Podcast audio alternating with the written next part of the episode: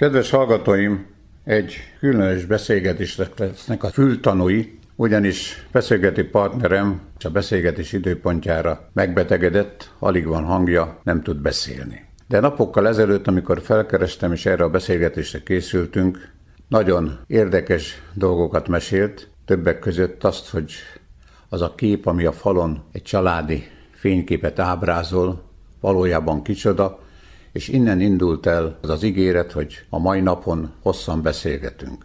A képen Orbán Mária, beszélgető partnerem nagymamája Zeig Sarolta látható, aki Kossuth Lajos öregkori szerelme volt.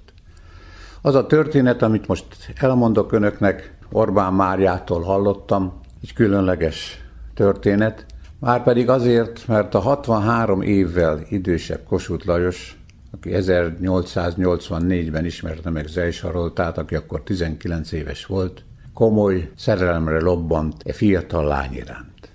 Hogy is történt? 1884-ben Zeig Sarolta családjával európai körutazáson vett részt, többek között felkeresték Turint, a mai Torinót, ahol Zeig Sarolta apai nagybátyja, Zeig József élt emigrációban, aki az 1848-49-es szabadságharcban honvéd százados volt.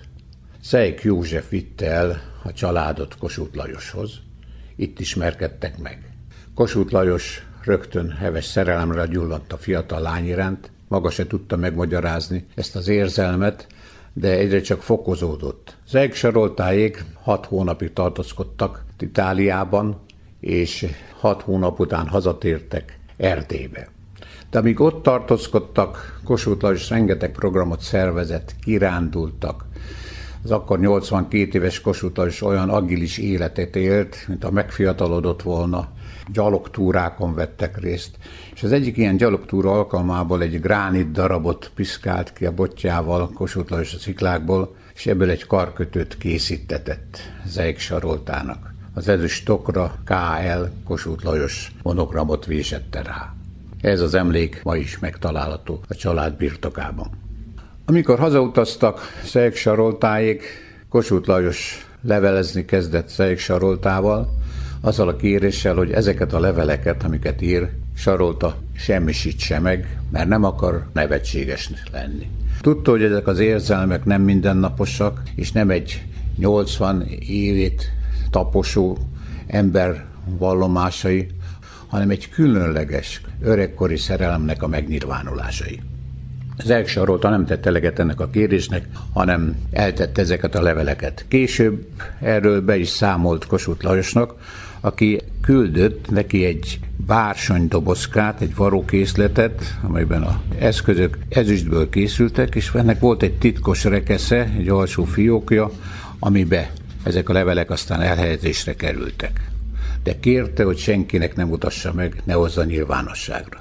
Ezekben a levelekben őszintén feltárulkozik érzelmeiről, életéről, az élet folyásáról részletesen, nagyon bőven ír. Első levelében még magázza, második levelében kedves napsugaramnak szólítja szerelmét, saroltát. Aztán később szeretett lányom megszólításra változnak ezek a levelek nem tudja az érzelmeit palástolni, átcsap, hol igazi őszinte szerelemből egy nagyapáskodó, egy szerető apai változatban. Érdemes ezt elolvasni, tudnélik 1989-ben szépirodalmi könyvkiadó jóvoltából megjelent ez a levelezés, az Akkos út és Napsugár címen. Zeig Sarolta, miután hazautazott Erdélybe, megismerkedett Orbán Györgyel, aki rövid idő után elvette feleségül. Mező Madarason volt földbirtokos Orbán György, oda költözött hozzá az Eik Sarolta természetesen. Ebből a házasságból született Máriának, beszélgető partneremnek az édesapja Orbán Károly. Orbán Károly élete is különös volt, négyszer nősült, több gyereke született. Máriának egy féltestvére most is él Angliába, akivel időnként leveleznek. Orbán Károlyról el kell mondani, hogy részt vett 1956-ban az úgynevezett szobosztai felkelésbe, és sajnos leleplezték ezt a szervezkedést, melynek következtében 57 ember ellen indítottak a rendszer megváltása iránt elkövetett bűncselekmény miatt eljárást, és ebbe a büntető perben az 57 emberből tizet halára ítéltek. Köztük volt Máriának az édesapja is. Különös családi történet, de bearanyozza az az emlék, amit ez a fiatal lány az utókornak hagyott ezzel a levelezéssel, rávilágítva egy idős ember, Kossuth Lajos érzelmi gazdagságára, érzelmi világára. Meg kell említeni, hogy ezekben a levelekben, ebben a 30 levélben nem csak az érzelmeit, mindennapi életét írja le, hanem azokat a csodálatos utazásokat, amit még 85, 86, 88 éves korában is megtett. Ugye az utolsó levél 1889-ből származik, ekkor Kossuth Lajos 87 éves. Ezután még három évet élt. A történelem a sors gondoskodott, hogy ez a levelezés megmaradjon, és nyomtatásban az emberek kezeihez kerüljön.